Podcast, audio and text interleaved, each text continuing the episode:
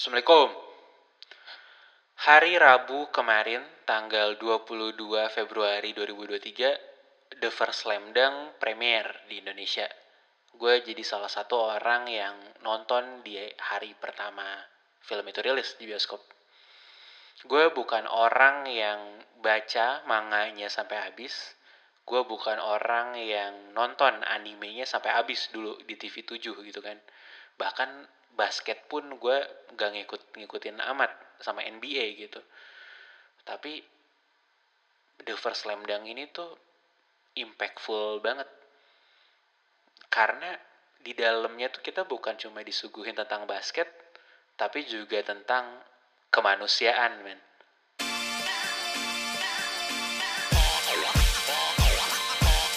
Eyo, eyo, eyo.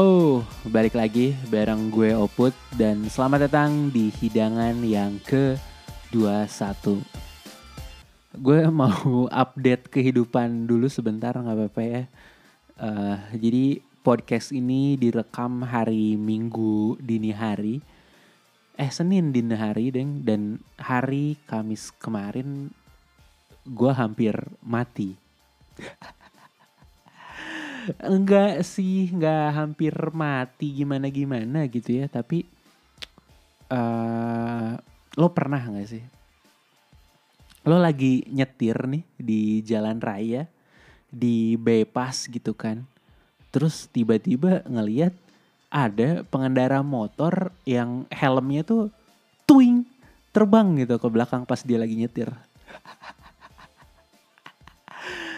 kalau beberapa pengendara ya yang ngelewatin Soekarno Hatta Bandung pada jam 15.30 di hari Kamis itu pernah anjing.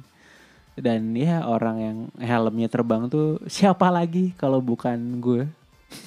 Fuck. Jadi ceritanya gini. Sore itu gue baru kelar meeting online terus OTW lah gue ke suatu coffee shop gitu kan buat lanjut kerja dan biar deket juga sama gor badminton gitu. Karena rencananya abis kerja gue mau main badminton. Ini gak penting-penting amat sih buat ceritanya tapi gue udah lama gitu kan gak badminton. Cuma salah satu triggernya tuh adalah gara-gara kemarin nonton kemarinnya gitu ya nonton The, First Slam Dunk gue jadi ingin ngelakuin aktivitas sport yang berkelompok gitu. Kan hari-hari itu biasanya gue akhir-akhir ini tuh olahraganya lari sama latihan beban doang kan.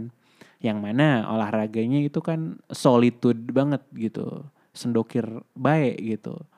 Nah jadi menurut gue ini sedikit lucu aja gitu film yang bikin gue ngerasain hidup gitu film Slam Dunk gitu. Itu hampir membuat saya mati gitu. Itu film tuh berhasil bikin gue keluar dari habit gue sehari-hari gitu. Yang awalnya gue udah jarang bulu tangkis gitu dan gara-gara itu film gue jadi bulu tangkis lagi.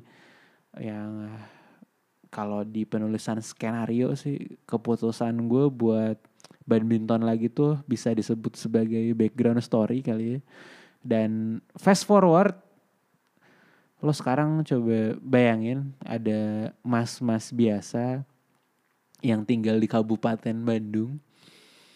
Dia lagi nyetir di atas motor Vario berkarat gitu ya. Dan berusaha OTW ke tengah kota di jam kerja. Nah si mas-mas ini tuh harus berurusan dengan waktu. Alias nyetirnya tuh harus cepet. Karena OTW-nya masih di jam kerja dan mas-mas ini juga harus mengantisipasi hujan. Karena Bandung sedang tidak alright gitu, lagi sering hujan dan langit tuh lagi sering warna abu gitu ya. Jadi ya kalau harus pakai jas hujan juga agak sulit ya bun, soalnya kan gue harus bawa raket gitu yang dimasukin ke backpack gitu. Kalau pakai jas hujan, mohon maaf raketnya saya taruh mana gitu ya apakah di mulut kayak Roro Noah Zoro? Nggak mungkin gitu kan. Saya bukan karakter One Piece. Jadi itu juga ya yang jadi konflik di kepala gue pada saat itu gitu ya. Manusia versus waktu dan cuaca gitu ya. Gimana caranya gue harus cepet nyampe pokoknya gitu. Nah pada hari itu gue OTW dengan lancar di 25 menit pertama. Pas sesampainya di Carrefour Kirchon, angin mendadak kencang. Lo yang dengerin ada yang main super shot soccer gak sih di PS1 dulu? Ini anginnya tuh sumpah kenceng banget. Kayak Arab Saudi di super shot soccer itu lagi ngejurus tau gak sih? Kayak brrrr gitu. Saking kencengnya di di atas motor tuh pas gue ngegas otot perut gue tuh kontraksi gitu saking kencengnya gue saat itu dengan gobloknya mikir wah bagus nih hitung-hitung latihan perut soalnya gue lagi nggak ke gym kan hari itu mau bulu tangkis doang gitu terus gue turunkan kecepatan kan lah tuh si tangan gue di kedepanin gitu ya biar nggak ngegas-gas amat Soalnya anjing rasanya kayak plank 90 detik gitu. Mohon maaf. Perut gue tuh udah gebek gebek gebek gebek gebek gitu ngelawan angin man. Dan si monyet pas gue ngelewatin rumah makan Cibiuk. Helm gue terbang bangsat. Gara-gara ada angin kenceng banget. Dan terbang itu helm ke belakang men. Kayak terbangnya tuh sambil muter gitu kenceng si helmnya. Kayak ban mobil copot pas lagi jalan itu. Kubluk kubluk kubluk kubluk kubluk kubluk gue kaget dong. Sedetik dua detik abis itu gue nengok ke belakang anjing untung di belakang tuh gak ada siapa-siapa. Jadi impactnya helm terbang itu tuh langsung kena trotoar gitu. Terus gue pinggirin kan motor gue buat ngambil itu helm pinggirin turun lari dikit terus gue scanning scanning scanning scanning. Terus gue ngeliat tuh, oh helm gue ada di seberang di dekat trotoar pemisah antara dua jalan Soekarno Hatta gitu. Nah di situ posisinya gue masih belum bisa nyebrang soalnya kendaraan lain juga kenceng-kenceng banget. Bukan cuma motor doang yang kenceng gitu kan, tapi truk juga pada kenceng-kenceng. Ada kali dua, dua, dua menitan gitu, gue baru bisa nyebrang dan pas mulai bisa nyebrang ya gara-gara itu juga gara-gara macet lampu merah sih gitu gue berhasil nyebrang pas gue cari helmnya anjing helm gue hilang bangsat terus gak lama gue ngeliat ada helm gue ternyata tapi helm gue tidak ada di jalan bukan tidak ada di, tro di trotoar melainkan ada di truk anjing jadi helm gue tuh diambil sama supir truk jadi bayangin ya biasanya kan tangan sopir truk tuh kalau di luar tuh lagi ya lagi megang rokok kretek gitu kan biasanya. Nah ini instead of rokok kretek dia lagi megangin helm gue tuh. Terus gue yang posisinya masih jauh itu lari sekencang-kencangnya men karena itu lampu tuh udah hijau lagi gitu. Jadi kendaraan tuh udah pada jalan tapi helm gue tuh masih ada di sopir truk gitu. Terus gue lari lah gitu gue kejar truknya sambil teriak pak pak itu helm saya gue nggak tahu dah itu si bapaknya tuh denger apa enggak soalnya anginnya kenceng banget kan nah pas akhirnya gue lari kan tet gitu. Nyampe ke samping pintu truknya. Terus gue jelasin ke bapaknya lah set set set set set, set. terus si bapaknya tuh baik dan ngembaliin deh. Ya yang ya, ya, yang bikin gue kesetun juga pada saat itu si supir truknya tuh kayak candil serius men. Tapi dia murah senyum banget anjing. Shout out buat supirnya ya anjir. Keren banget lo bang. Terus gue kira si insiden itu tuh berhenti di situ doang anjing. Tapi pas gue nyebrang lagi kan dan jalan ke motor gitu gue naik motor terus elus-elus helm gue gitu kan. Gue baru sadar juga anjing. Ternyata AirPods gue tuh terbang sebelah juga anjing. Ah shit. Gue pikir gitu kan. Apes banget ya bangsat. Mana setelah gue nyampe gitu kan ke coffee shop terus gue hubungin lah ke mitra care gitu hubungin uh, kak AirPod saya kelindes kayaknya kalau ganti yang sebelah kanan doang berapa ya terus katanya anjing 1,9 jutaan buat ngeganti sebelah doang tuh AirPods Pro generasi 2 yang sebelah kanan. tai gitu. Jadi ya teman-teman episode 21 ini mungkin adalah episode dengan harga termahal ya sejauh ini. Karena di balik komedi tadi itu ada harga mahal yang harus dibayar ya. Jadi ya begitu saja. Anjing udah 18 menit cerita gitu aja. Oke oke, bahas slam dunk. Bicara tentang harga mahal yang harus dibayar untuk sebuah karya. Gue rasa kreator slam dunk Takehiko Ino dia ini sangat paham tentang hal ini. Dia ini tentunya berani bayar mahal buat ngehabisin waktu hidupnya mempelajari gimana sih pemain basket itu bergerak gitu ya dari cara berdiri, dari cara menembak, angle-anglenya segala macam. Sehingga orang-orang biasa kayak gue ini tuh bisa ngapresiasi permainan basket dengan lebih hikmat gitu ya. Tanpa embel-embel hiperbola atau gerakan-gerakan impossible gitu yang dilakukan di dunia nyata gitu uh, basketball as real as, as it gets itu bisa lo dapetin di karyanya Takehiko Ino gitu. Dan kemarin ketika nonton The First Slam Dunk itu wah gila uh, dari dari menit ke 8 aja gue udah udah udah mulai pingin nangis gitu ya. Gimana gambaran tangan itu digerakin gitu ya. Uh, terus ngelihat stance tiap-tiap karakternya punya cara berjalan yang unik gitu dari situ gue udah udah terpukau sih soalnya bagus banget gitu tapi ah kesampingkan itu urusan artistik dulu coba uh, yang pingin gue coba utarakan sekarang ini adalah apa ya efek yang gue dapatkan setelah nonton The Slam Dunk, eh, The First Slam Dunk kemarin gitu ya. Uh, tentunya gitu seperti menonton pertandingan olahraga gitu ya hormon penonton tuh biasanya bangkit gitu ya menggebu-gebu. Dan ini yang berhasil si Tahe, Takehiko Ino ini tampilkan gitu.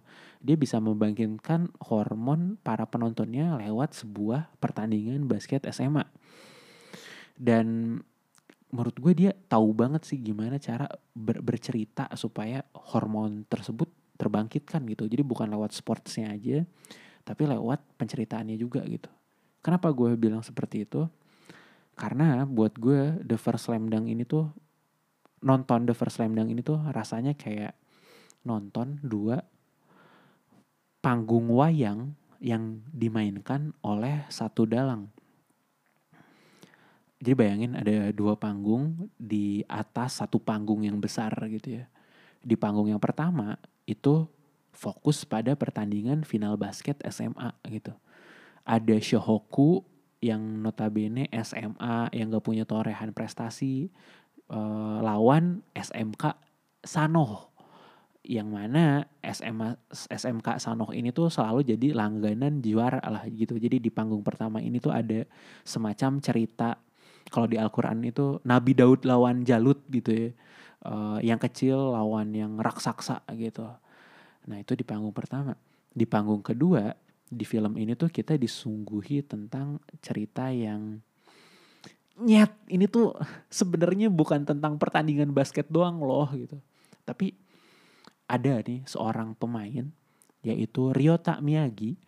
Dia ini seorang point guard yang journey-nya tuh dikasih tahu nih gimana sih betapa kerasnya perjuangan dia dari titik A sampai B yang B itu di mana adalah pertandingan final basket ini gitu ya. Journey-nya tuh di, dikasih lihat gitu.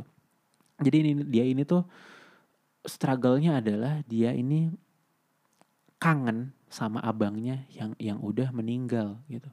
Dan ini abangnya ini dia ini adalah sosok yang penting di hidupnya gitu karena si abangnya ini tuh ngajarin Ryota bagaimana untuk mencintai basket gitu. Tapi bukan itu doang, abangnya ini tuh adalah positif male figures gitu di keluarga Siriota ini. Jadi kan keluarga Siriota ini tuh tiga bersaudara ya dan ayahnya tuh udah wafat duluan gitu. Jadi the father was out of the picture dan kakaknya ini tuh secara aktif trying to fill that role gitu, uh, role ayahnya gitu. Nah, jadi di atas panggung tadi gitu ya, secara paralel kita tuh ngeliat pertandingan basket yang luar biasa sekaligus ngeliat perjalanan Ryota Miyagi yang cukup sentimental gitu ya. Gimana perjuangannya buat nyampe ke titik itu. Gimana juga cara dia sama masing anggota keluarga dia gitu ya berduka coping with grief gitu karena ditinggal pergi abangnya. Nah, cara mereka berduka ini sih yang menurut gue nambah tekstur film ini jadi sangat kaya gitu dan sangat manusiawi juga gitu. Kita kan tahu gitu ya basket itu adalah permainan berkelompok. Tapi di film ini kekelompokan tersebut, kekolektifan tersebut dikontrasin dengan permasalahan atau isu yang sangat individual yaitu grieving. Kalau anggota keluarga lo mungkin ada yang udah meninggal lo pasti tahu gitu ya cara manusia berduka itu berbeda-beda gitu. Bapak lo menyikapinya gini ibu lo menyikapinya gitu tante lo gini macam-macam gitu semuanya berbeda-beda. Nah di film ini pun sama nih. Cara si Ryota Miyagi dan ibunya berduka tuh beda dan punya rasa yang berbeda tapi dua-duanya valid gitu. Dan ini sih yang bikin ini satu hal yang bikin gue salut sama film ini sih. Si Takehiko ini tuh bukan cuma paham gimana ngebuat pemain basket uh, digambar gitu ya bergerak di lapangan serealistis mungkin sedinamis mungkin se, se menaikkan hormon pembacanya agar menggebu-gebu mungkin gitu ya tapi beliau juga paham rasanya menjadi manusia gitu beserta perjuangan-perjuangan kita yang selalu hadir di luar lapangan basket gitu. Menurut gue ketika lo paham betul dengan aspek itu, barulah lo bisa menulis backstory sedalam Takehiko Ino dalam menulis Ryota Miyagi. Jadi hari Rabu tanggal 22 Februari kemarin itu gue nontonnya kan bertiga sama temen gue Vicky dan Atmaji gitu ya. Sehabis nonton Atmaji yang udah baca manganya sampai habis ini tuh cerita. Katanya di manganya tuh tokoh Ryota Miyagi ini muncul aja gitu tanpa diceritain asal muasalnya gitu yang nambah kesan positif di dia terhadap uh, film ini gitu sebagai penggemar Slam Dunk karena ada layer baru gitu yang dia temuin. Jadi film ini tuh bukan cuma enjoyable buat penggemar mangganya aja gitu ya kayak dia. Tapi juga enjoyable buat orang yang gak hatam-hatam amat sama slam dunk atau basket gitu contohnya gue gitu. Terus ketika kita ngobrol lebih lanjut kan uh, di malam itu gitu ya, ternyata armband warna hitam merah yang selalu dipakai Ryota di tangannya itu ada juga di manga dan animenya gitu. Di situ gue langsung anjing geblek juga nih kreatif decisionnya si Tahehiko gitu ya. Karena dia tuh berhasil ngasih backstory yang cukup emosional ke dalam aksesorisnya si Ryota gitu kan selama hampir 20 tahun kita ngelihat itu dan nganggapnya itu itu aksesoris doang gitu ya. Uh, dia pakai itu karena dia keren gitu. Toh dia karakter yang sangat keren itu kan si uh, Ryota ini tuh dia kecil tapi speedy gitu ya. Uh, dan ngotot gitu. Uh, terus ya oke okay, pakai aksesoris bikin lo tambah keren. Tapi setelah film ini ketika kita tahu tentang konteks itu gitu ya apalagi ketika kita baca lagi manganya gitu si kita tuh kita jadi punya perspektif baru tentang armband tersebut gitu bahwa itu peninggalan abangnya lo kebayang gak sih betapa gilanya dia gitu ya buat nanemin armband dari komik tahun 90-an tanpa pernah ngejelasin konteksnya. Terus konteksnya baru di spill ketika fans fans Slam Dunk ini udah pada kerja atau udah pada punya anak gitu. Gue nggak tahu lo sama kayak gue apa enggak gitu tapi gue tuh sangat suka ketika karya baru dari franchise lama tuh mampu nggak sekadar munculin nostalgia doang, tapi bisa nimbulin memori baru juga gitu.